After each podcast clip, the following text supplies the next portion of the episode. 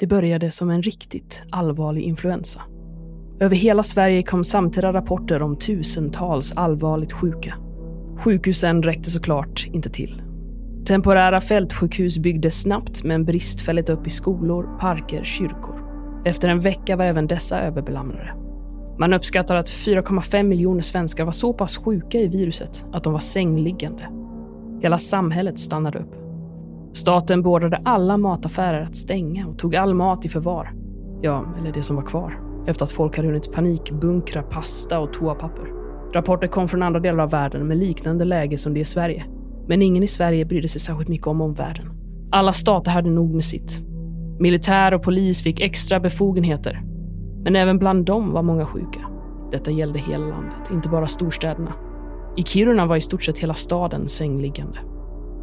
Det upprättades karantänzoner som var strikt bevakade av militär. Det gick rykten om att vissa av dem hade tillgång till botemedlet. Flera militärer deserterade och vände sig mot sina befäl. De ville också få del av botemedlet. Karantänzoner stormades av medborgargarden och poliser. Många dödade varandra i striderna och kravallerna.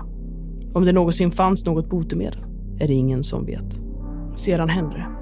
Inom loppet av 36 timmar så dog samtliga 4,5 miljoner människor som insjuknat. Men de förblev inte döda. De vaknade till liv igen och de började äta av de levandes kroppar. Sedan gick det fort. Först försvann SVTs sändningar, sedan de kommersiella kanalernas. Sedan dog internet. Till slut försvann även riksradion. Nu återstår bara kaoset, liken och de små grupperingarna av människor som överlevt och nu försöker staka ut en tillvaro i apokalypsen. Ni lyssnar på Svartviken Råspelspodd. Det här är avsnitt ett av Skräcken på Östra, prologen.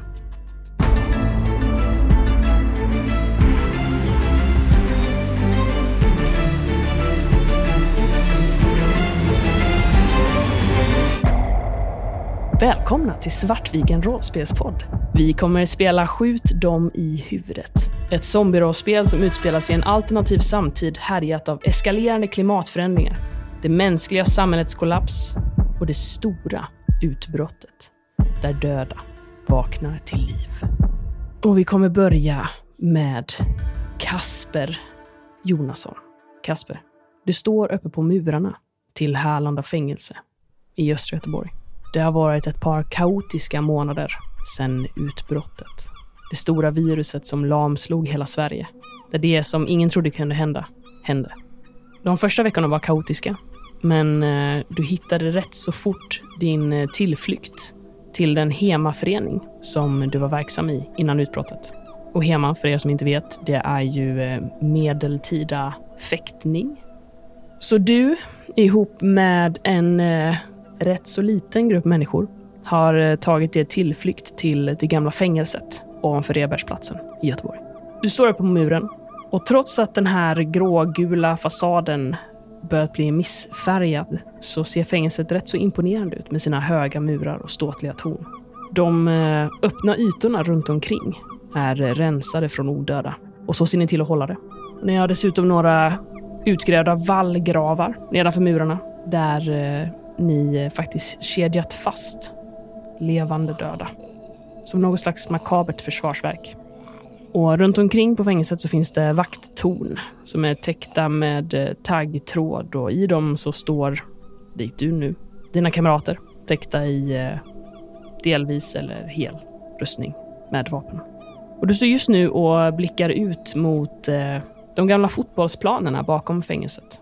Och där så håller precis ett eh, flygplan på att lyfta. Ett ganska litet flygplan. Ett sånt här eh, privatplan.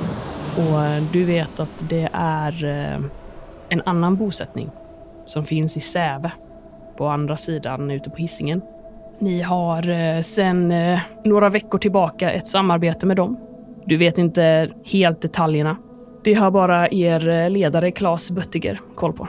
Men eh, du vet att eh, ni brukar hjälpa Säve med att dels eh, fånga odöda som ni eh, brukar paketera åt dem och skicka iväg på deras flygplan. Och ni har även gjort vissa resor upp till Östra sjukhuset och vårdcentralerna i området. och lämnat eh, medicinsk utrustning till dem. Och i utbyte så eh, får ni eh, utrustning och eh, framförallt mat av dem. Så det är ett relativt nytt samarbete, några veckor. Men eh, du vet inte detaljerna. Men du vet att eh, det är någonting som Klas Claes, då, Claes Buttiger anser är fördelaktigt för er.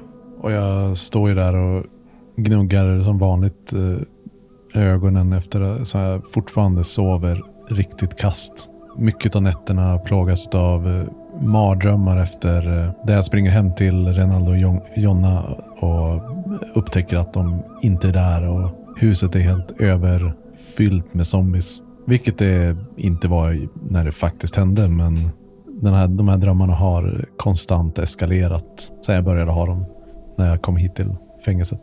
Kan du eh, se din dotters ansikte framför dig när du blundar eller har hon börjat bli lite suddig vid det här laget?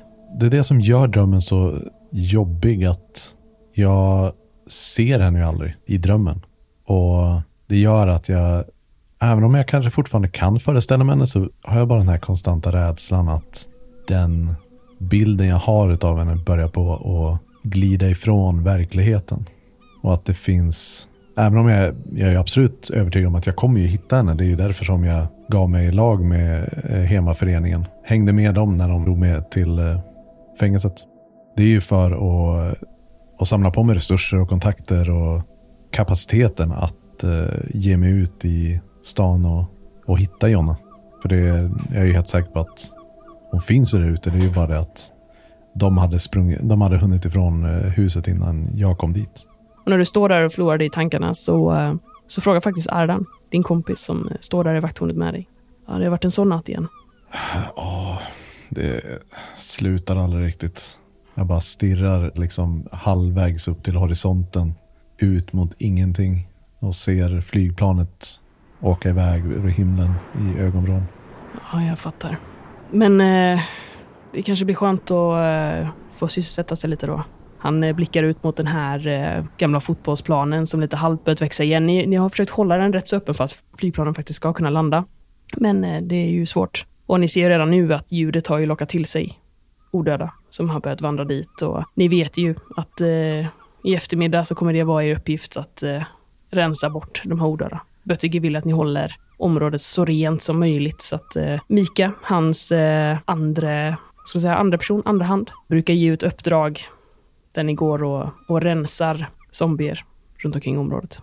Det är ganska så strikt och disciplinerat här på fängelset. Och det kanske är någonting som kanske är skönt. Att eh, det är tydliga vanor och rutiner och du vet nästan alltid i princip vilka, vad du kan förvänta dig av dagen när du kliver upp. Det är ungefär samma typer av uppdrag. Antingen så ska man iväg och hämta någonting eller så ska man rensa zombier eller så är det någon form av underhållsarbete inne på själva bosättningen. Då. Jag sträcker på mig och säger, ja de säger att lite motion är ju det bästa. För när man är, känner sig lite nere. Och så eh, tar jag upp den här morgonstjärnan som jag alltid har hängande från eh, bältet. Jag har så pass konstant att jag faktiskt har skaffat mig liksom en, ett par... Litet hölster.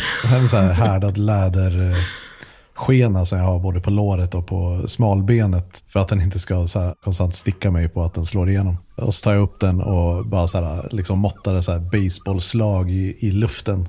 Ardan ler och han sträcker faktiskt ut en hand och klappar lite på axeln. Han är ju yngre än vad du är. Han är eh, i eh, sen 20-årsålder. Börjar närma sig 30 men har inte riktigt kommit dit än. Och han är väl egentligen den mest gladlynte på det här stället. Den som eh, kanske egentligen är lite för mjuk för att vara här. Ja, och om inte det hjälper så får vi kika nästa gång vi är på Munkebäck och se om vi kan fiska några piller på vårdcentralen. Ja, det, du har en poäng säger jag. Och så eh, klappar jag tillbaka på, eh, på hans axel.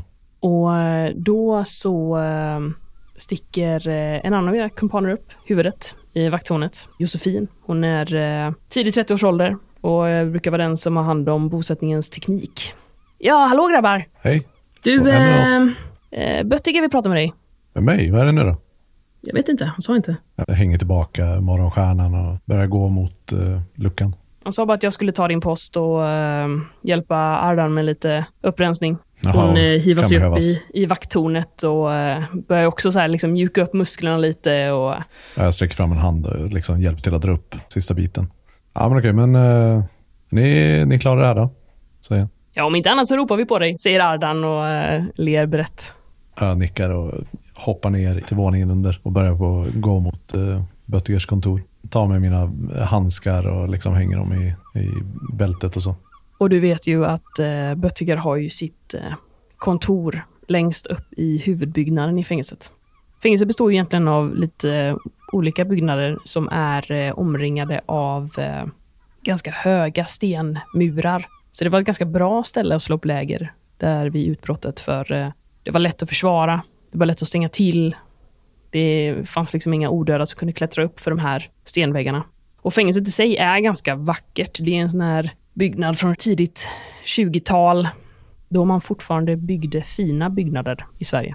Och eh, förr i tiden när det faktiskt fungerade som ett fängelse, det har det inte gjort sedan eh, tidigt 90-tal, då eh, fanns det flera olika typer av verksamheter här. Det fanns ju både präst och en liten läkarmottagning och annat som man kan tänkas behöva när man bedriver eh, fängelseverksamhet. Behöver jag gå över innergården eller liknande för att komma till huvudbyggnaden? Eller är det... Ja, det måste du göra. Mm. Och eh, på innergården eh, så finns kvarnen. Det är en ganska så stor konstruktion där Josefin har experimenterat med att kunna generera egen el. Och sättet som ni har gjort detta är att ni har grävt en jättestor ska säga, nästan typ en vallgrav, alltså en stor rund nedgrävd gång egentligen. Och i mitten av den så står det en sån här gammal generator, typ, som kan drivas liksom av rörelseenergi. Och i den här vallgraven så, så vandrar det runt levande odöda som ni har satt i, i fängsel. Och de eh, stapplar själlöst framåt i den här utgrävda ringen. Och de flesta av dem har ju nästan halvt ruttnat sönder vid det här laget. Ni eh, driver på dem genom att eh, hänga upp djur egentligen, som ni eh, skär upp. Det verkar vara någonting visst just med däggdjur faktiskt. Ni har experimenterat er fram lite, men eh, däggdjur really gets them going. Det hänger en eh, halv katt nu längst fram i den här lilla trappen som rör sig långsamt runt, runt och de här eh, levande döda stapplar runt. Jag tittar på den ganska medlidsamt för jag... Jag önskar verkligen att det hade funnits ett, något bättre sätt att göra det på men eh, de är ju helt eh, ja, men döda inombords. Det, det finns inget sätt som de kan tillföra mer positiv sak till människor än genom att eh, faktiskt hjälpa oss på det här sättet. Och rent krasst så behöver ni elen. Ja. Det är svårt att få tag på den är ju livsnödvändig. Men det, jag kan tänka mig att det säkert fanns lite diskussioner där i början när det sattes upp att det, det här är inte någonting som kanske har kommit upp över, en- över en natt. Mm. Utan eh, ni har rätt så långsamt glidit in i detta experimenterandet och i samma med era vallgravar. Där har ni också odöda. Ni har märkt att odöda kan ha en eh, viss eh, avskräckande effekt. Inte minst mot eh, andra typer av grupperingar som ibland drar förbi. Och eh, Böttiger är väldigt investerad i er säkerhet. Jag har alltid ställt mig väldigt... Eh, aldrig varit på frontlinjen när det kommer till att vara för det här. Men jag har aldrig riktigt hårt satt mig emot det heller. Ja, men det är en komplex fråga, men i slutändan så handlar det om att vi måste överleva. Det kanske är skönt att inte vara den som fattar beslutet. Absolut. Det, det hade... Nej, jag hade inte kunnat fatta det beslutet. När du går förbi så äh, gläfser en av de närmaste odöda efter dig och du ser liksom hur ena delen av underkäken har i princip ruttnat loss och hänger ner. Men eh, de eh, få kvarvarande tänderna på den andra änden av käken, de liksom skallrar mot varandra när den tittar efter dig. Jag låtsas vara oberörd, men jag tar eh, utan tvekan liksom några steg åt sidan längre ifrån den här kvarnen. Du eh, kommer in på Hallanda fängelse. Det är högt i tak, luftigt. Som sagt ganska fint. Det är också eh, målat i ljusa färger, så även om de börjat flagna lite och börjat se lite missfärdig ut så är det ändå... Man kan ana den här varma, mjuka, gula färgen som fanns innan utbrottet. Och Böttiger har ju sitt kontor allra längst upp. Och fängelset är ju lite planerat så, så att det är öppna plan och såna här ljusschakt mellan våningarna. Ungefär som eh, man kanske har sett i ja, filmer från eh, Alcatraz eller San Quentin i Kalifornien. Och han är, sitter ju allra längst upp. Och när du kommer in så sitter han vid sin skrivbord. Du ser att han håller på och eh, antecknar grejer. Du ville se mig, chefen? Han tittar upp. Han är en eh, blond man i eh, tidig 50-årsålder. Han är ganska kort, men eh, väldigt atletisk. Så här lite lean, muskulös ungefär som Bruce Lee var muskulös. Smal, men eh, man kan se att det finns mycket styrka i kroppen. Senig helt enkelt. Senig. Senig är ett bra ord. Böttiger eh, blickar upp mot dig. Ja, Kasper. V- Bra. Du kan väl eh, slå dig ner. Jag slår mig ner. Jag ser nog ganska bekväm ut. Någonting har ramlat ner i våra knän. Och jag kommer levla med dig nu. Okej? Du vet Falken. Det gamla studiefrämjande huset ligger något kvarter ner från Rebergsplatsen, right? Ja, absolut. Du har eh, ganska god koll på Falken. Det är ju en eh, annan bosättning som ligger, ja men kanske typ två kvarter bort. Mm. Ni har hamnat i någon form av lågintensiv konflikt med dem. Det är liksom inga öppna konflikter, inga, inga stridigheter så. Ni har liksom inte attackerat varandra, men det har liksom varit ja, men små konfrontationer. Det finns ju inte överdrivet mycket resurser nu och nu börjar det bli mindre och mindre allt eftersom månaderna går. Att eh, allting som man kunde ja, men luta i början, det börjar ju så smått sina. I alla fall nu i det här närområdet. Så ni börjar känna av mer och mer att ni är två rätt så stora bosättningar i närområdet. Men det är mest att vi, vi håller oss på våran sida om eh, kvarteren och eh, de håller på sin sida typ. Eller? Lite så. Ibland har ni snott saker av varandra. Mm. Om, de har, om det finns saker som är i gränslandet så eh, har, det, har ni absolut tagit från dem och de har tagit från er. Och ni har även liksom försökt lite små sabotera varandra. Att om ni ser att de har satt upp någon, någon form av utpost lite längre bort och den är oövervakad så ser ni till att sabba den. Men ingen öppen konflikt. Men eh, ni har absolut koll på varandra. Och ibland så har man kanske sett varandra från andra sidan gatan och då har man eh, slängt lite glåpord på varandra. Men eh, inte mer än så. Böttiger eh, ser allvarlig ut. Nej, det, det är så att... Eh, jag vet inte om du hörde, men det kom hit en kvinna igår. Som Okej. eh, ville söka, jag vet inte vad man ska kalla det, asyl. Eh, hon vill i alla fall eh, bli en del av vår bosättning och eh, som en del i detta så sa hon sig ha information. Hon kommer från Falken. Okej. Jag lutar mig framåt och ser mer engagerad ut. Och tydligen är det så att för ett tag sedan så kom det en forskare dit från Chalmers som bor där nu och eh, som eh, ja, den här kvinnan hävdar att hon har eh, sysslat med forskning som skulle kunna påverka smittan. Jag vet inte, best case ett botemedel. Annat fall kanske någonting som kan påverka smittan, hindra den. Vem vet? Men eh, jag pratade med våra vänner nu idag. Du förstår ju att vännerna är Säve. Det är så Böttiger brukar referera till dem. Och de var ju givetvis väldigt intresserade av detta. Så eh, jag har ett uppdrag till dig, Kasper. Okej. Så jag lutar mig bakåt. Jag tycker du har eh, skött dig bra på de här senaste uppdragen. Menar, senaste gången ni eh, gav er iväg till, eh, till Torpa, det var ju exemplariskt. Så jag tror att du är redo för lite större saker. Ja, Jag känner mig hedrad. Han eh, tittar på dig med en så här granskande blick som eh, bara Böttiger kan. Du känner verkligen att du blir skärskådad. Säve vill ha den här forskaren. Det är möjligt att eh, det här bara är någon form av smokescreen eller något villospår, men eh, vid det här laget, jag vet inte, vi famlar efter halmstrån. Vi behöver någonting. Smittan sprider sig för fort. Och du har redan sett vad den gör. Snart finns det inte mycket kvar av vårt land att, eh, att ta tillbaka. Och det behöver vi ändra på. Så eh, jag vill att du beger dig till Falken och låtsas vara en av de här, ja men en, en, en lösdrivare. Någon utan bosättning. Du vet ju hur de tar in vem som helst. De är ju såna här do-gooders. Ja. Så eh, det behöver inte vara allt för svårt. Bara du spelar lite, lite vek och lite, lite rädd och kommer med mössan i hand så tänker jag att det inte behöver vara några problem. Givetvis kommer du behöva lämna en del av din utrustning här. Jag vet inte hur mycket vapen och sånt du kan ta med dig.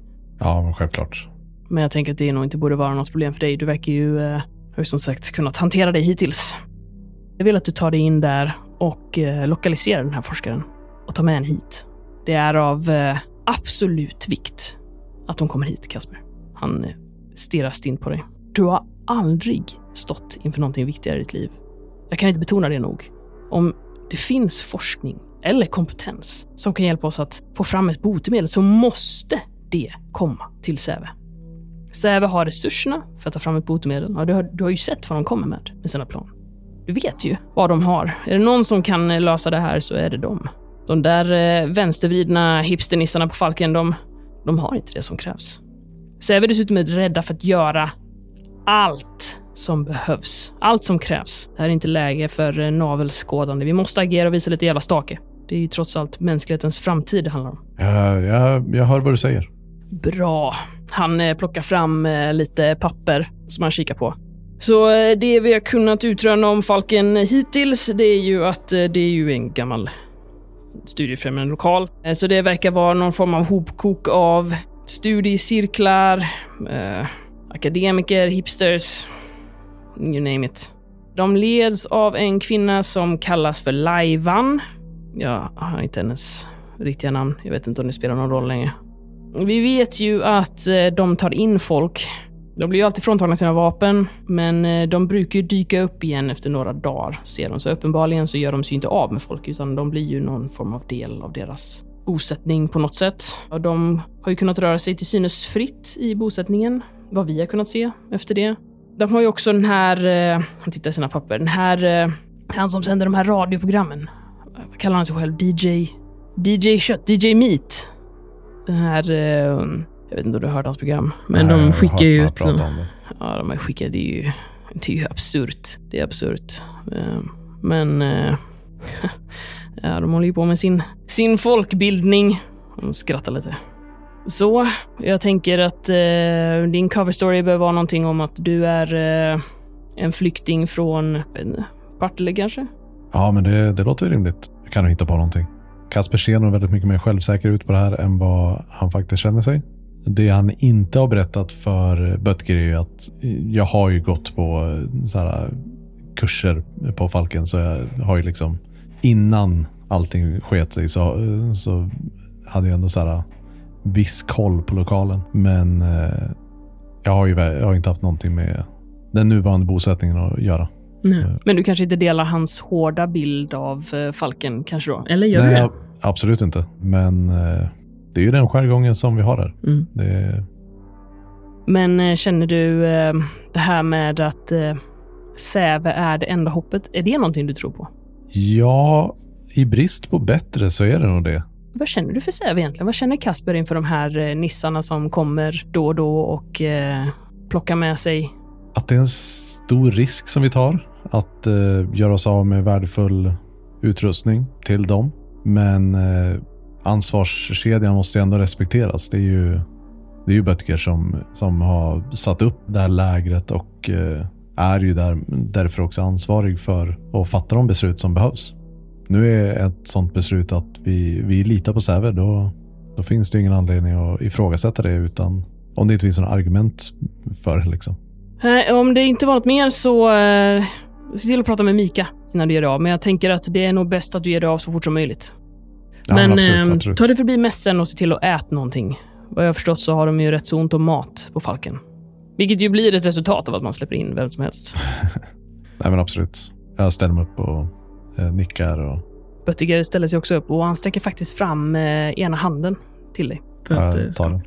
Han eh, skakar den eh, hårt. Jag önskar dig all lycka, Kasper. Verkligen. Tack, tack. Jag ska göra det så snabbt som möjligt. Det tror jag. Vad gör du sen? Jag går ner i mässan och äter. När jag äter klart så går jag till... eh, Hur är inkvarteringen här på fängelset? Ni sover ju i de gamla fängelseställena. Ja, och vi delar om... Nej. Det är en person per. Det är ju eh, ganska så hög standard faktiskt. Ni har ju elektricitet, så ni har ju lampor och eh, när du sitter där i mässen så eh, det är faktiskt helt okej god mat och mycket mat. Mm. Det har varit en prioritering hos eh, Böttiger att se till så att ni kan säkra matransoner. Och det är också en av grejerna som ni får av Säve eh, genom att göra de här eh, uppdragen då. Så att han har sett till att maten alltid är tryggad. Så det har inte varit en enda dag egentligen när du varit på Härlanda som du har gått och lagt dig och varit hungrig. Utan du har alltid kunnat gå och lägga dig mätt och varm. Även när det var lite kallare månader under vintern så lyckades Böttiger fixa så att ni hade värme och ljus. Mm. Så det är faktiskt ganska drägliga inkvarteringar. Och Josefin har dessutom också lyckats hålla igång avloppet i en begränsad eh, skala. Hon har gjort lite justeringar och modifieringar, men, eh, men ni har faktiskt någon form av avlopp som fungerar. Nej, men så jag går till eh, min cell och byter om mer eller mindre. Tar liksom de kläder jag har som är, ser mest civila ut. Har jag någon så här vadderingsskydd som eh, från Hema-utrustningen. Så jag kan bara ha under kläderna utan att det syns allt för mycket så, så tar jag det. Absolut. Och så hittar jag någon, eh, jag tar typ en filt eller liknande och bara rullar ihop, eh, rullar in morgonstjärnan i den. Mm. Och så spänner jag fast den på, på en ryggsäck. Så det ser ut mer som en sovfilt bara så. Och Mika söker upp det sen. Mika är ju eh, andra, andra hand här eh, på Härlanda. Och hon är en eh, kvinna i 40-årsåldern, ganska så barsk, med ett stort ärr som löper över halva ansiktet. Från de tidiga dagarna av utbrottet. Du vet inte exakt vad det är som har hänt och det är inte något som Mika vill prata om, men det gör att hon ser rätt så skräckinjagande ut. Och hon har ju plockat i ordning utrustning åt dig. Så att du får med dig eh, med lite rep och matransoner. Du ser att hon har packat mer matransoner än vad hon eh, brukar göra för de här mindre uppdragen ni gör. Vilket signalerar att det här är eh, viktigt. Och även liksom lite så här, tändare och saker man kan tänkas behöva när man är iväg. Vatten och lite sårvård. Och, så. jag, jag fördelar packningen mellan min ryggsäck och mina BDU-byxor. Ja, men allmänt så här, gör mig i ordning både fysiskt och mentalt för att ge mig ut i... Jag tycker verkligen inte om att gå utanför murarna. Eh, Jag känner mig otroligt osäker och eller så här, otrygg. Och speciellt nu när jag inte kommer få ha mina ordentliga skydd. Så. nej. Har du några bilder på Jonna? Jag hade dem på mobilen, men problemet är att jag fick slut på ström och eh, det har liksom kommit så mycket skit i, i laddporten att jag har inte kunnat ladda telefonen ens när vi har haft ström nog före. Så att eh, jag har den här döda telefonen som jag bara bär omkring i min ficka som eh, minne liksom egentligen. Mm. Hoppas att du kanske någon gång kan eh, Ja. återuppliva den och se bilder på ditt barn. Mika följer dig till en av utgångarna. Den som eh, är riktad ut mot eh, till Stockholmsgatan. Mm. Och eh, hon eh, vinkar av dig. Ta dig också i hand. Ta hand om dig nu, Kasper. ja, tack så mycket. Ni kommer att få se att eh, ert förtroende i mig är välberättigat. Och sen börjar jag gå. Jag går ut på Stockholmsgatan och upp mot eh, Strömsberg och eh, genar sen över bostadsområdena där till den norrgående spårvagnsvägen. Sen börjar jag på att ta mig upp längs den mot eh, Falken. Försöker verkligen hålla ögonen öppna för minsta tecken på döingar. Du stöter på odöda, det gör du. Men eh, du kan eh, smyga förbi dem till stora delar. Mm. Att du ser dem långt innan. Du har börjat bli ganska van ändå. Och du har ju hyfsad koll på området. Mm. Bodde ni här innan, innan utbrottet? Vi bodde ner mot uh, Bögatan åt andra hållet. Så, Ner mot Örgryte liksom? Ja, precis. Så det är på andra sidan fängelset från, eh, Där vi är nu. eh, från där Falken är. Du kommer upp mot eh, Falken och det gamla studiefrämjande huset ligger ju precis på hörnet vid en av korsningarna över den stora gatan som eh, löper från Gamlestaden upp mot Rebergsplatsen. Gatan är bred som en aveny, fast istället för träd i mitten så löper de gamla spårvagnsspåren. Med sin lutning ner mot E20 och Gamlestaden så påminner avenyn faktiskt lite om de sluttande gatorna i San Francisco. Och huset i sig är en eh, rektangulär kloss i ljusbrunt tegel som ligger lite för sig själv, utan några riktigt angränsande byggnader. Och den är uppenbart mänsklig i den annars ödelagda omgivningen med eh, små odlingar på taket, barrikader runt lilla gården och gardiner och tomatplantor i fönstren. Om det inte var för taggtråden så skulle den nästan kunnat kännas hemtrevlig. Och när du närmar dig, när du går upp för den här eh, rätt så breda gatan egentligen som löper upp mellan Gamlestaden och, och Rebergsplatsen. Så, eh, så hör du plötsligt hur någon ropar. Hej! Du där! Du där med ryggsäcken!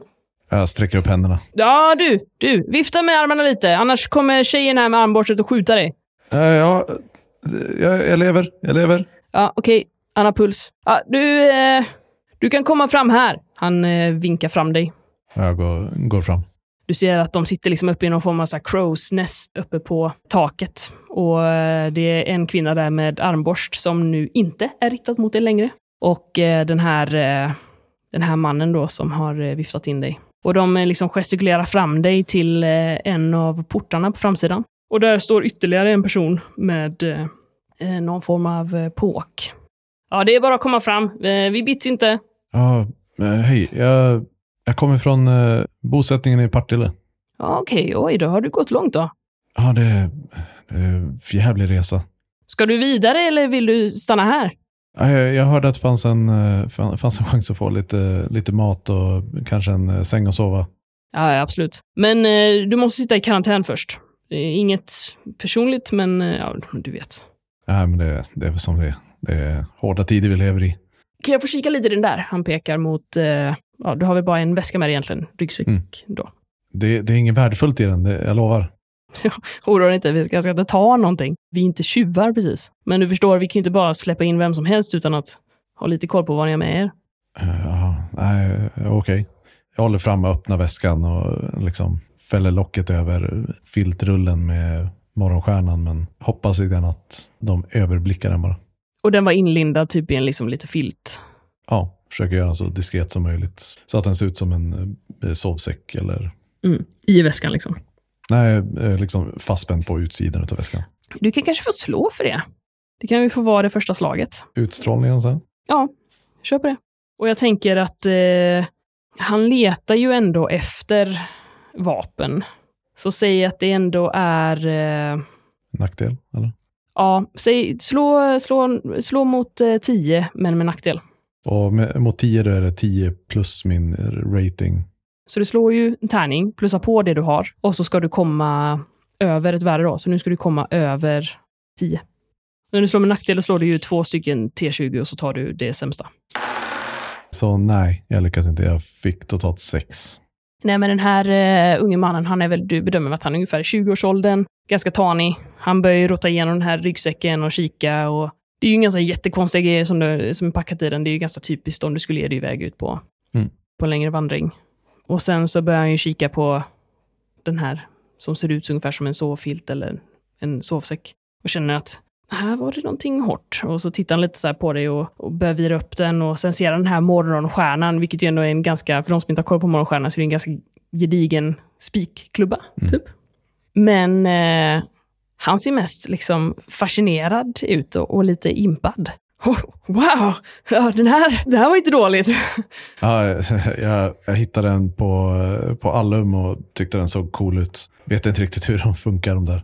Han börjar så lite smått eh, svinga den framför sig och bara jävlar vad tung den är. Den här måste ju vara skitbra att döda zombies med. Ja, jag, jag tänkte jag skulle försöka lära mig använda den. Det var, var kanske dumt. Ja, för du måste ju komma ganska nära med den va? Han håller upp den så här, jämför med sin lilla så här, spik eh, eh, med i trä liksom, med lite spikar i. Och det ser liksom märkbart eh, avundsjuk ut. Ja, är det. det var inte dåligt. Men eh, jag måste ju ta den i förvar nu medan du sitter i karantän. Han ser nästan lite, lite urskuldande ut, som att han liksom ber, ber om Ja, ursäkt. ja. Men du får ju tillbaka den sen, såklart. Nej, Eh, Okej, okej. ja, nej, men det, det, det kan jag förstå. Eh, Det var, det var ju synd, men Det är ju bara en säkerhetsåtgärd. Och, och jag, jag lovar dig, det är helt, helt säkert här inne. Vi har en, en, en stenhård eh, säkerhetsrutin, säger han och ser jätteglad ut. Och, ja, men det, det är ju skönt att höra. så här, här kan du sova tryggt. Jag förstår att det säkert varit ganska många... Det är inte kul att sova på vägen kanske. Nej, det är som sagt. Det, jag ser fram emot en eh, säng att sova på. Ja, här ska vi ta hand om din kompis. Du inser att han nog... Ja, är han ens i 20-årsåldern? Han ser väldigt ung ut. Men eh, du eh, forslas in Försöker vara så, till så lite besvär som möjligt. Så. Och du kan ana att det finns andra människor där. Till exempel när ni kommer in i byggnaden så, så kan du se att det är en äldre man där som nickar lite åt den här unge killen, eh, men eh, som inte riktigt interagerar med er mer än så. Och du kan ana att det finns fler folk innanför. Men du förs ganska så snabbt in i eh, en eh, sluss, typ. Det verkar som att de har eh, byggt om i entréerna. Det är såna här gamla entréer där det finns två dörrar och liksom en luftsluss emellan. Och eh, sen blir du inledd i ett eh, rum där de har, verkar ha spikat igen ena dörren. Och eh, den här eh, lille killen, han, eh, han tar din väska och, och ställer utanför och, och säger återigen, men, men du får tillbaka den sen. Jag lovar, jag lovar. Sen eh, pekar de, det finns liksom lite britsar där inne med lite filtar och någon liten så här halvt malet en kudde och, och lite vattenflaskor. Och han tittar på dig och säger, vi, vi kommer med lite mat sen. Men, eh, och om du behöver använda toaletten så, så se till så, så löser vi det. Ja, Okej, ja, tack så mycket. Vi syns antar jag, säger jag och så kliver jag in. rummet. det, det, det blir Lajvan som kommer sen. Eh, hon, är vår, eh, hon är vår chef, typ. inte riktigt chef, för att hon är inte, alltså det är inte så. Men eh, hon är den som håller i det här. Och hon är jättebra. Och hon brukar styra upp massa grejer. Och, så att eh, hon brukar komma sen och prata med er, som eh, ni som sitter i karantän. Och, och sen, eh, sen fungerar det lite olika, men, eh, men om du vill stanna här så, så brukar det oftast gå att lösa. Faktiskt. Han ser så här nästan ut som att han typ vill det. Ja, det, det var ju tryggt att höra i alla fall. Det, ni verkar ju väldigt eh, välkomnande och snälla här. Så att, eh, Ja, det är vi verkligen. Vi, vi tänker ändå att, så här, att man måste ju ta hand om varandra nu, när det är som det är. Jag menar, vi är inte så många kvar nu. Det är, det är ju inte så många människor nu. det är typ då jag bara går in i cellen och eh, stänger dörren efter mig. Han står så här kvar lite och, och tittar efter dig, och, men efter ett tag så, så går han. Glömmer nästan bort att låsa, men, men du hör att han så kommer tillbaka sen och så hör du det här klirret av eh, ett lås som går igen. Jag vill liksom inte råka fästa mig med någon av de här. Så att jag försöker bara så här, vara så transaktionell som möjligt. Du hör sen genom väggen. Jag heter Jens förresten! Och jag bara låtsas som att jag inte hör det. och du är nu på Falken. Rinaldo Rosa, du står i ett av rummen på eh, bosättningen Falken och eh, kvinnan framför dig med det spjälade benet tittar upp mot dig. Men, men det kommer väl... Det kommer väl bli bra, eller hur? Hon ser orolig ut, men eh, du tycker ändå att det, det spjälade benet har börjat se mycket bättre ut, så du är nog inte så orolig. Jag tittar på, på mitt verk och slickar mig lite om läpparna. Sen möter jag hennes blick. Det, det kommer bli bra. Det kommer bli bra. Åh, tack. Vad, vad skönt att höra. Hon eh, ser med ens eh, lugnad ut. Det här var en av de eh, senaste som eh, kom in från eh, gatan och de har varit ute och, och vandrat länge. Och eh, de har nog inte riktigt vant sig än vid att ha tak över huvudet och en varm säng att ligga i. Du vet ju själv hur eh, förödande en benskada kan vara. Det är en förändrad värld där allt har förändrats. Vad som tidigare kunde vara ett litet skrapsår kan nu vara en, en dödsdom. Och jag är inte vant med. När du står där så eh, känner du någon knacka dig på axeln. Eh, Rinaldo, Jag vänder mig om. Eh, ja, där står eh, Heddy. Hon är en eh, kvinna i 30-årsåldern. Du vet att innan utbrottet så var hon eh, forskare vid Chalmers. Hon tittar på dig. Eh, ja, eh, Dagge ville, ville prata med dig. Och du vet att Dagge, han är ju cirkelledaren för syjuntan. Det är ju en eh, sån här liten organisatorisk eh, grej som Falken kör med, att eh, de har liksom delat upp ansvarsområden för olika saker. Och eh, alla som har ansvar för någonting kallas för en cirkelledare. Det är en liten så här skämtsam blinkning till att eh, Falken bedrev ju studiecirkelverksamhet för Studiefrämjandet innan utbrottet. Så nu eh, efter eh, apokalypsen så har de hållit kvar vid den traditionen. jag eh, tar av mig mina handskar som inte är korrekta handskar att använda i sjukvård, men som är det bästa jag har. Och torkar eh, bort handsvetten mot mina kläder. Jag är fortfarande klädd i kläderna från kliniken som jag arbetade på innan undergången. Hur mycket blod har de på sig nu? Ganska mycket. Jag försöker tvätta dem ganska ofta och jag tänker att jag kanske fick med mig ett ombyte eller två. Men eh, de ser slitna ut. Och allt blod vill jag inte tvätta bort för de påminner mig om både personer som jag har räddat och personer som jag önskar att jag hade räddat. Kläderna berättar en historia. När du vandrar bortåt så märker du att eh, Heddy följer med. Hon går och vrider händerna så där nervös som hon brukar göra när du vet att hon eh, har någonting eh, på hjärtat. Har du, har du hunnit prata med, med Laivan än? Laivan är ju ledaren för den här bosättningen. En ganska så barsk kvinna i 40-årsåldern som har styrt upp den här bosättningen egentligen sedan de första dagarna av apokalypsen, utbrottet. Det är egentligen ingen som har valt henne till ledare, men hon är en sån person som får saker och ting gjort. Så det har helt enkelt bara blivit så. Ehm, för, att, för att jag tänker att jag, jag skulle egentligen inte behöva så, så mycket proviant, utan bara lite. Och om någon kan följa med mig, om man kan skicka med mig någon, så, så tror jag att det finns ju jättemycket på Östra sjukhuset som vi skulle kunna ha nytta av här. Så att jag tänker att det hade verkligen varit en investering. Hedde tittar på den nästan med så här bönande blick. Tillfället har inte kommit upp än. Jag, jag ska ta hand om det, jag lovar. För jag menar, du, du är ju läkare, eller sjuksköterska. Inte sant? Jag menar, du måste ju få, få ont, om, om, ont om förnödenheter snart. Inte sant? Jag menar medicin och... Tänk så mycket medicin som finns, som bara sitter där uppe. Ja, jag, jag, jag vet. Vi, jag ska prata med henne, så... Vi, vi ska försöka få ihop något. Jag lovar. Tack, tack. Hon är väldigt angelägen om att ta sig till, till sjukhuset. Det börjar nästan bli lite irriterande nu kanske. Hon är, hon är på dig minst några gånger per dag ifall du pratat med lajvanen. Jag eh, tittar på henne ganska länge och särskådar henne. Anar jag att det finns ett annat motiv bakom? Är det folk där hon känner som hon vill rädda exempelvis? Då kan vi slå ett motståndslag. Mm. Hur gör man det? Då är det din grundegenskap för utstrålning och eh, har du någon relevant erfarenhet eller eh, någon relevant färdighet du tänker att man vill? Min erfarenhet är att jag har åkt ner till krigsdrabbade områden innan katastrofen. Men det känns inte superrelevant va? Nej, jag skulle nog... Eller, men, du träffar ju på, alltså, jag tänker att man träffar på mycket desperata människor som vill ha någonting. Men jag har snoka. Eller mm. är det fysiskt snoka? Nej, men det kan vi ta. Ta den och sen så eh, en grundegenskap och sen slår du en T20. Och så lägger du på din grundegenskap och din färdighet då. Och jag kommer göra detsamma för eh, Heddy, men hon har inte jättemycket att lägga på. Inte jag heller. Jag har plus två. Jag slog eh, två på tärningen, så fyra totalt. Du kan inte riktigt se. Hon verkar vara väldigt angelägen, men eh, ja, det finns ju medicin där uppe. Men det finns också mycket annat, som du vet. Östra sjukhuset var ju en av de första områdena i Göteborg som eh, ni på vårdcentralerna och triagecentren helt tappade kontakten med. Du tänker nog inte att det är av en god anledning. Jag är tyst, men jag får nog en känsla av att det, det måste finnas någonting bakom.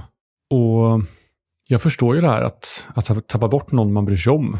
Alltså jag, mitt kall här i livet är att hjälpa folk. Och det är väl lite det på något vis, min, min misstanke om att det finns någonting mer som kanske gör mig mer benägen att faktiskt hjälpa henne. Du hade väl jobbat lite på Östra sjukhuset, eller hur? Jag har nog haft utbildningstillfällen där, så sex månader i stöten liksom. Men jag har inte jobbat där på riktigt, så att säga.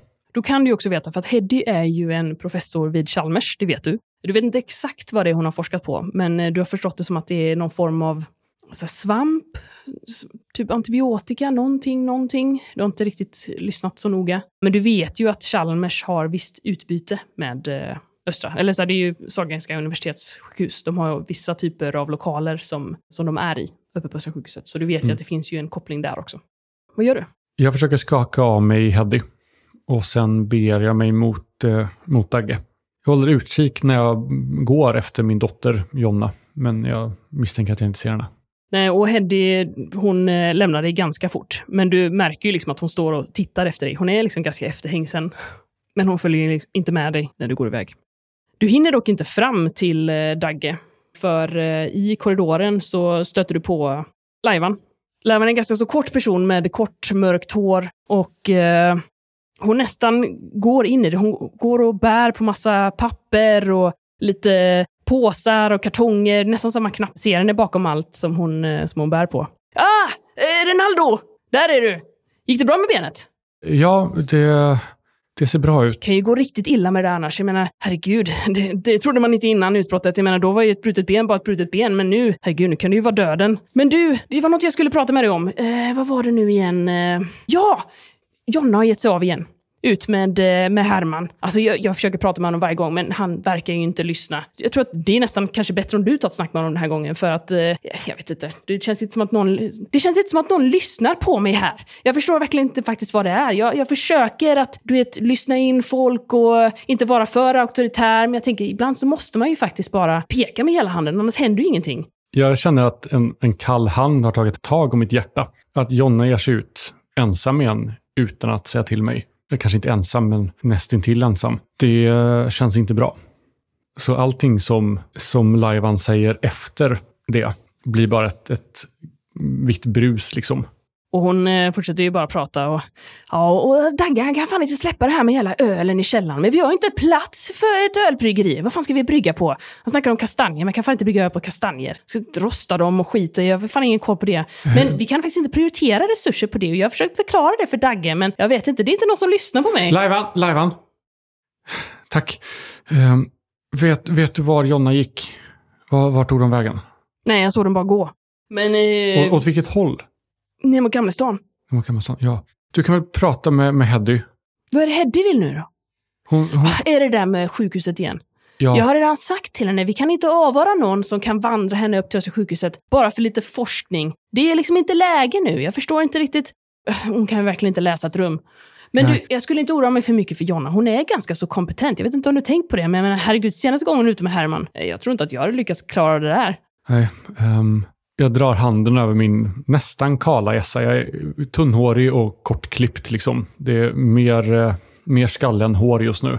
Kliar mig i skäggstubben och sen bara jag vandrar därifrån mitt i när hon pratar med Men, mig. eh, och du, du, du Ronaldo, eh, kan du kika in på den här killen i karantän också? Vi behöver någon som lotsar ut honom. Ja, jag, jag fixar det. Jag ropar över axeln. Lajvan fortsätter eh, hetsa vidare och pratar om öl och kastanjer och förbannar sig över Dagge som inte kan läsa ett rum. Jag eh, går förbi Dagge och vill hålla det kort om möjligt. Dagge är en ganska lite äldre herre. Han är väl upp mot 60-årsåldern. Ganska så stor och lång och bred och han vill att du ska prata med Lajvan om att han vill eh, brygga öl i källan på kastanjer och han drar en lång utläggning om varför detta är möjligt och att han har minsann sett någonting på Youtube innan utbrottet och han tror att han skulle kunna klara av det och det skulle höja moralen för alla. Han har en hel sälj- säljpitch som han uppenbarligen inte drar för första gången utan den är ganska inövad vid det här laget. Och han vill att du ska prata med Lajvan. Uppenbarligen så du, folk verkar tänka att du har Lajvans öra. Ja, jag önskar att jag inte hade det. Jag, jag försöker prata med henne om det.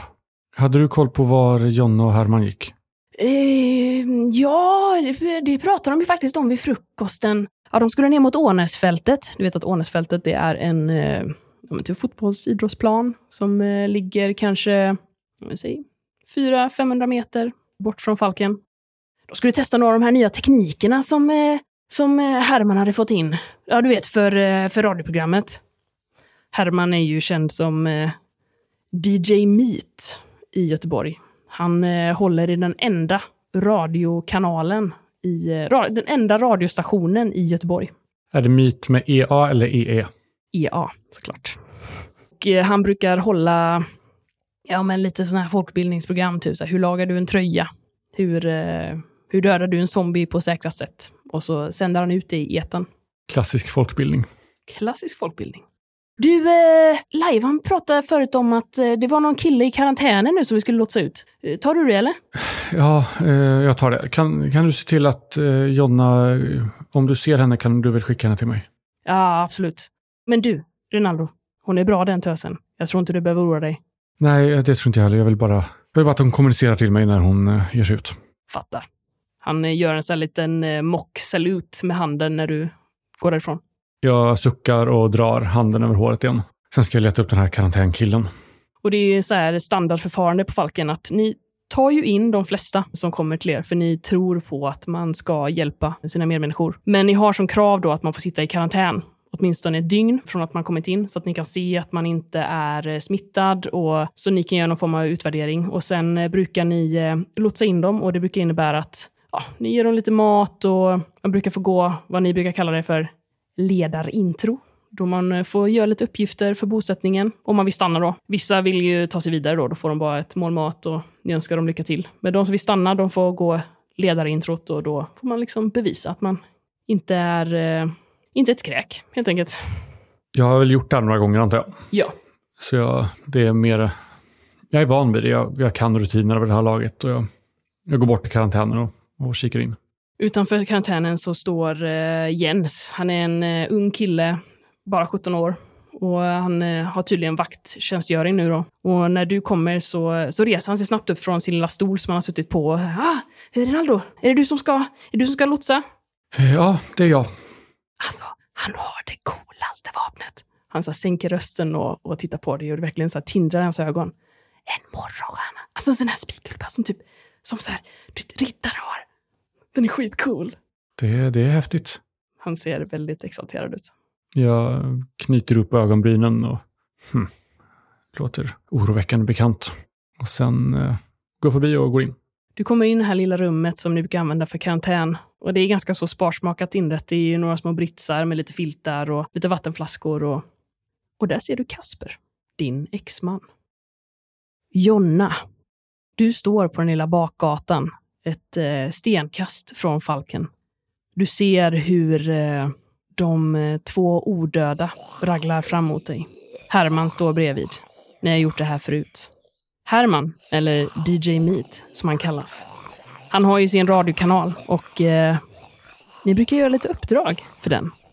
Så idag är ni ute för att eh, testa olika zombie-dödartekniker. Som ni har fått av eh, kringpasserande små eh, folk som har kommit förbi eh, bosättningen, eller folk som har kommit och anslutit sig till bosättningen, eller eh, saker som ni också har tänkt ihop själva.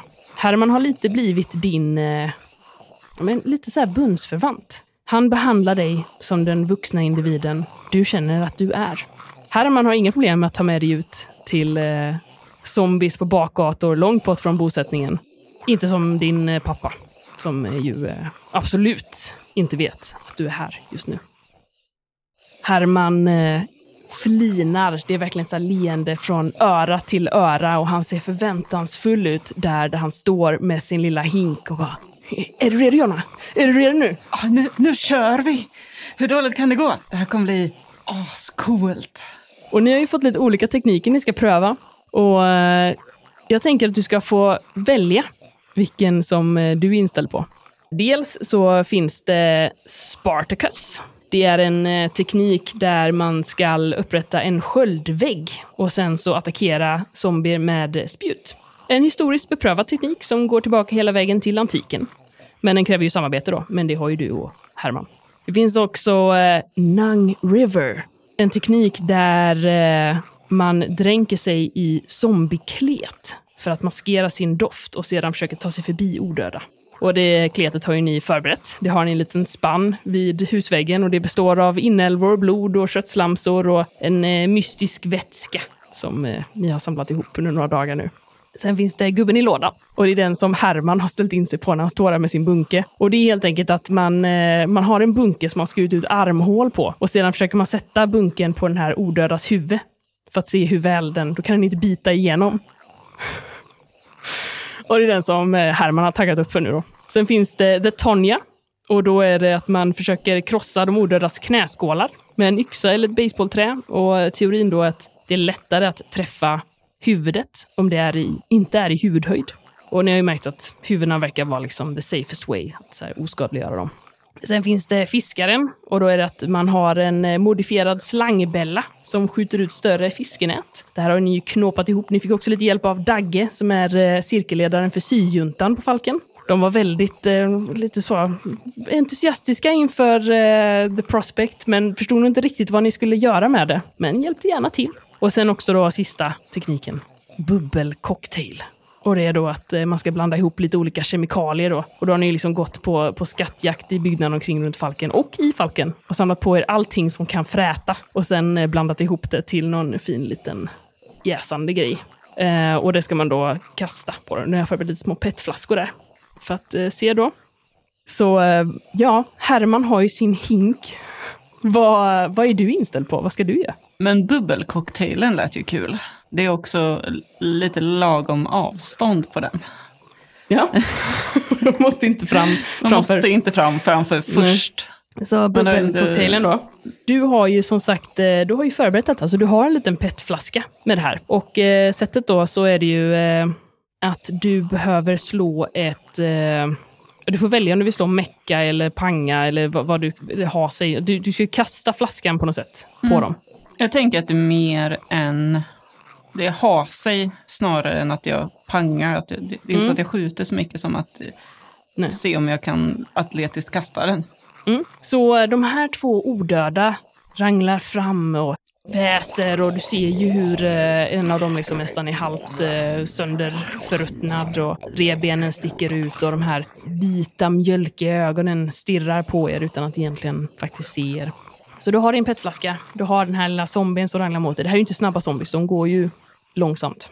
Och jag, jag måste ju punktera flaskan på något sätt eller öppna upp den så att det kommer ut. Eller har jag mekat ihop? Jo, jag har mekat ihop den. Så, så att jag har liksom satt ihop en liten mackaspär som lyfter på locket. Precis när den slår i marken. Har ni suttit på sena kvällar du och Herman och prototypat den här lilla... Precis. Mm. Vad kallar du den? Förutom, ja det kanske kallar den bubbelcocktail, det kanske är ett namn för. Precis, Mm. bubbel, Mm. eh, bubbelcocktailen och det där är ju liksom bubbelkorken då. Mm. Bubbelkorken måste av för att skjuta bubbelcocktailen. Precis. Mm. Så att jag tar ett sånt här stort kliv och gör sats mm, för att kasta den långt och drar ut en, eh, den lilla sprinten som jag haft i den innan jag kastar iväg den. Men då kan du slå eh, ha sig då. Svårighetsnivån för detta är 10.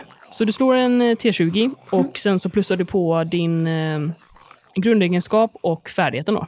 Mm. Eller Ja. om du har någon relevant erfarenhet. Precis, för jag har ju ett i ha sig. Mm. Är det då ett i, smi, smidighet då också eller? Ja, det skulle jag säga. Eller fysik? Ja, det spelar ingen roll, de är ett i båda två. Ja. Smidighet Så- skulle jag säga är rimligast om du vill försöka kasta någonting, Mm. tänker jag. Jag slår sex. Jonna tar fram den här bubbelcocktailen och eh, nu är det sanningens minut. Du eh, springer lite närmare för att få ett så eh, gott kastläge som möjligt. Men när du ska bli av med den här lilla bubbelkorken så poppar den inte av. Och, vad händer? Jag måste ju liksom, du måste ju få iväg den. Så du börjar skaka den här för att se. Men lossna då, din jävel! Och då lossnar den, men allting faller ju över dig. Och du hör ju den här liksom, och eh, du känner hur det bränner på, på benet. Ah! Har du inte säkrat den här ordentligt? Jag trodde vi dubbelcheckade den här igår. Se upp! ropar Herman och du ser i ögonvrån hur någon kastar sig fram. Vi ser om Herman lyckas med sin lilla säger, gubben i lådan. det gör han faktiskt. Han, jag slår en 14 och det är, eh, ska upp i 13, så vi precis. Så du ser i ögonvrån hur Herman rusar förbi. Se upp! Och sen så kränger han på den här eh, den här eh, hinken över eh, zombisen. Så att det bara är de här små armarna som sticker ut. Det är en sån här större liksom, komposthink. och den här zombien börjar liksom röra sig runt omkring men kan uppenbarligen inte bitas. Vad gör du? Men nu tar jag ju den här resterande biten av flaskan Mm. och går fram och i princip häller det sista frätande över zombiens armar. Det verkar som att den reagerar på det när du kommer nära. Mm. Även om den inte ser dig så, så eh, rör den sig liksom åt ditt håll och du ser att den gör utfall. Mm. Men Den den, har en hink på på sig. så att den kommer inte åt dig. Så du kan rätt så enkelt hälla den här eh, pet, eller så kasta den här pet, sista kvar i petflaskan Ja. över den. Och du hör ju det så här, psh, Och det här förruttnade huden som eh, redan halvt gången, Mm. den bara smälter bort och eh, blottar benpipor. Min, mitt huvudvapen är ju en selfiepinne med kniv. Mm. Och det jag vill göra är att få Herman att ta bort hinken lagom tills jag så spjutar ut min selfiepinne i eh, höjd med halsen. Nej men eh, slå, eh, slå bråka. Mm. Och jag skulle säga att eh, i och med att ni kan koordinera detta, den har ju en hink på huvudet, så är det ett vardagsmatslag. Så säg att du ska upp över fem. Mm, det är klart. Nej men eh, vill du beskriva vad som händer? Jag vinkar Herman att gå liksom bakom den medan eh, jag plockar fram min selfiepinne. Och så precis när Herman lyfter på hinken och man ser den här eh, zombien lite bli chockad av ljuset. Då trycker jag ut selfiepinnen som piercar halsen och liksom börjar hugga. Så att jag försöker hugga av huvudet. Du hugger av huvudet och det faller ner på gatan med ett blött. Och Herman ger ifrån sig ett litet glädjetjut. Woohoo! Fan vad ballt! Men nu märker ni att ni är den här andra zombien som är kvar som ni egentligen kanske hade tänkt hantera. Och den börjar komma närmare, men eh, Herman verkar signalera att ja, men det kanske är bäst att, bäst att dra nu. Nu har han ju ändå samlat lite data, så att han eh, gestikulerar att eh, börja springa ner längs med bakgatan. Jag har ju lite svårt att springa. Du har ju lite ont. Jag har ju lite ont och jag, jag svär lite åt att eh, byxorna blev skadade av den här frätandet. Jag vill ju inte att pappa ska se. Mm. Utan jag tänker att jag ska försöka ta mig hem så fort som möjligt till eh, Falken och lägga om såret. För annars kommer han ju se det. Det, det är ju Ja. ganska uppenbart. Liksom. Men ändå, jag menar nu, ni, alltså, det funkade ju ändå. Ja. Det var ju en jättebra teknik. Och när jag springer där, så här, Herman han bara Fan såg du? Och du bara, och du bara stack och jag bara, jag lyft, åh herregud, jävlar! Vilken grej! Han ger dig high five och ni kutar där längs med bakgatorna tillbaka till eh, vad du nu för tiden kallar ditt hem. Den gamla studiefrämjande byggnaden, den här tegelstensklumpen eh, klumpen som nu inhyser eh, ja, uppemot eh, 50-60 personer faktiskt. Så ni är en ganska stor bosättning. Och eh, ni blir ju insläppta. Nu spolar vi tillbaka några månader. Innan viruset svepte över Sverige. När ni fortfarande hade någon form av normalt vardagsliv. Jonna och Renaldo, ni sitter och äter middag i er villa. Så som ni brukade göra. Lasagne. Idag var egentligen en eh, helg då Kasper skulle komma och hämta Jonna och ni skulle hitta på saker tillsammans. Men eh, han dök aldrig upp. Och ni har kanske vid det här laget tröttnat på att vänta på honom och gått vidare med det ni brukar göra på lördagar. Men när ni sitter där och äter er lasagne så eh, knackar det på dörren. Jag sveper det sista i, i vinglaset, ställer ner det på bordet, suckar djupt, utbyter en blick med Jonna och sen går jag och öppnar. Och jag står där och ser lite tafatt ut och tittar in och säger det. Ja, ni har ätit redan? Både frukost och lunch Ja, och middag. ja men. Alltså jag, jag jag vet att det skulle varit det tidigare, men. Ja, men du vet hur det är. Det, Jag vet precis hur det är, Kasper.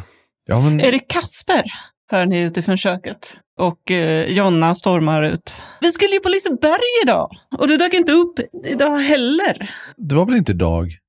Vad pratar du om? Jo, vi gjorde var- ju planer förra veckan. För du kunde inte den veckan. För då hade du inte köpt biljetter i förväg. Vi skulle göra det idag, pappa. Men det var ju den här helgen som, som klubben hade loppis.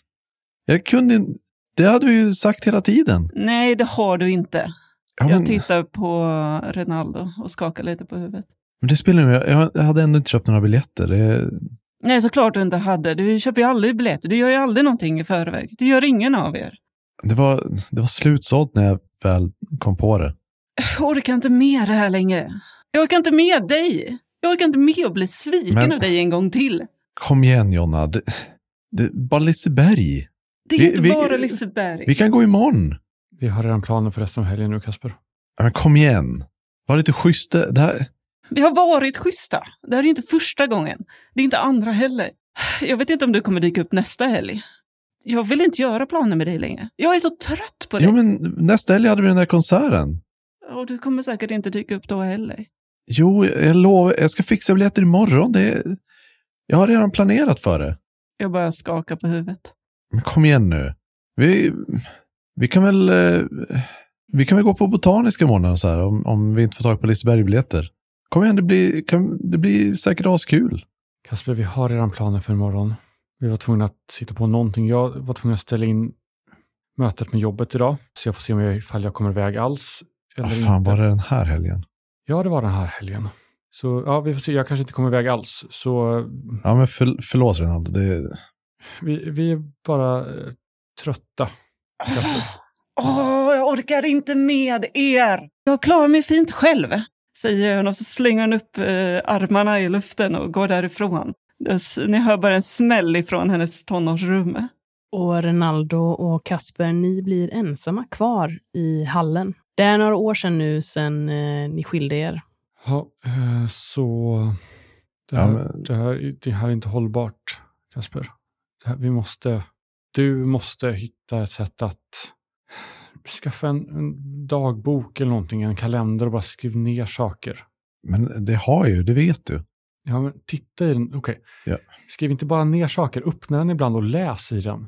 Och se Ja. vad du har för åtaganden med din dotter som, om jag får lov att påminna, som du tog initiativ till? Jag var, försöker du få det här till att jag inte skulle älska Jonna nu? Nej, det är inte det jag säger. Jag säger bara att du måste kunna ta ansvar. Ja, men jag försöker, okej? Du försöker inte bra nog. Jag tycker att, eh, jag tycker att du borde ta en titt på ditt liv och, eh, och kanske prata med någon. Och när du har gjort det så kan vi göra ett nytt försök. Men fram tills dess så tycker jag att vi tar en paus här. Vad fan ska jag svara på det då? Du behöver inte svara på någonting. Du behöver bara göra det. För en gångs skull, göra det som du... Jag börjar stänga dörren lite. Tydligt i en, i en hastighet som öppnar för att du ska kunna motsätta dig. Liksom.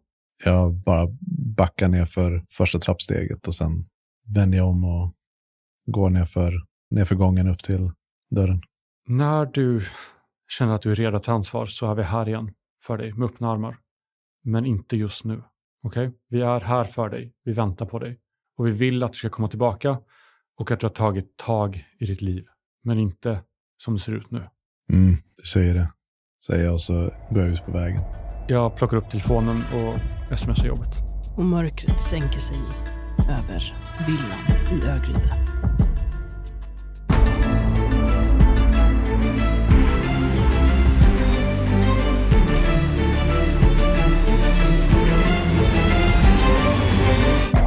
Ni har lyssnat på Skräcken på Östra med oss, Svartviken Råspelspodd. Intromusiken är gjord av Alexander Berggren. Övrig musik och ljudeffekter är från Free Sounds. Skjut dem i huvudet är skapat av Tobias Hardin och ges ut av Vildhallon förlag. Och Vildhallon ger nu alla Svartviken-lyssnare 15% i rabatt i Vildhallons webbshop på samtliga Skjut dem i huvudet-produkter.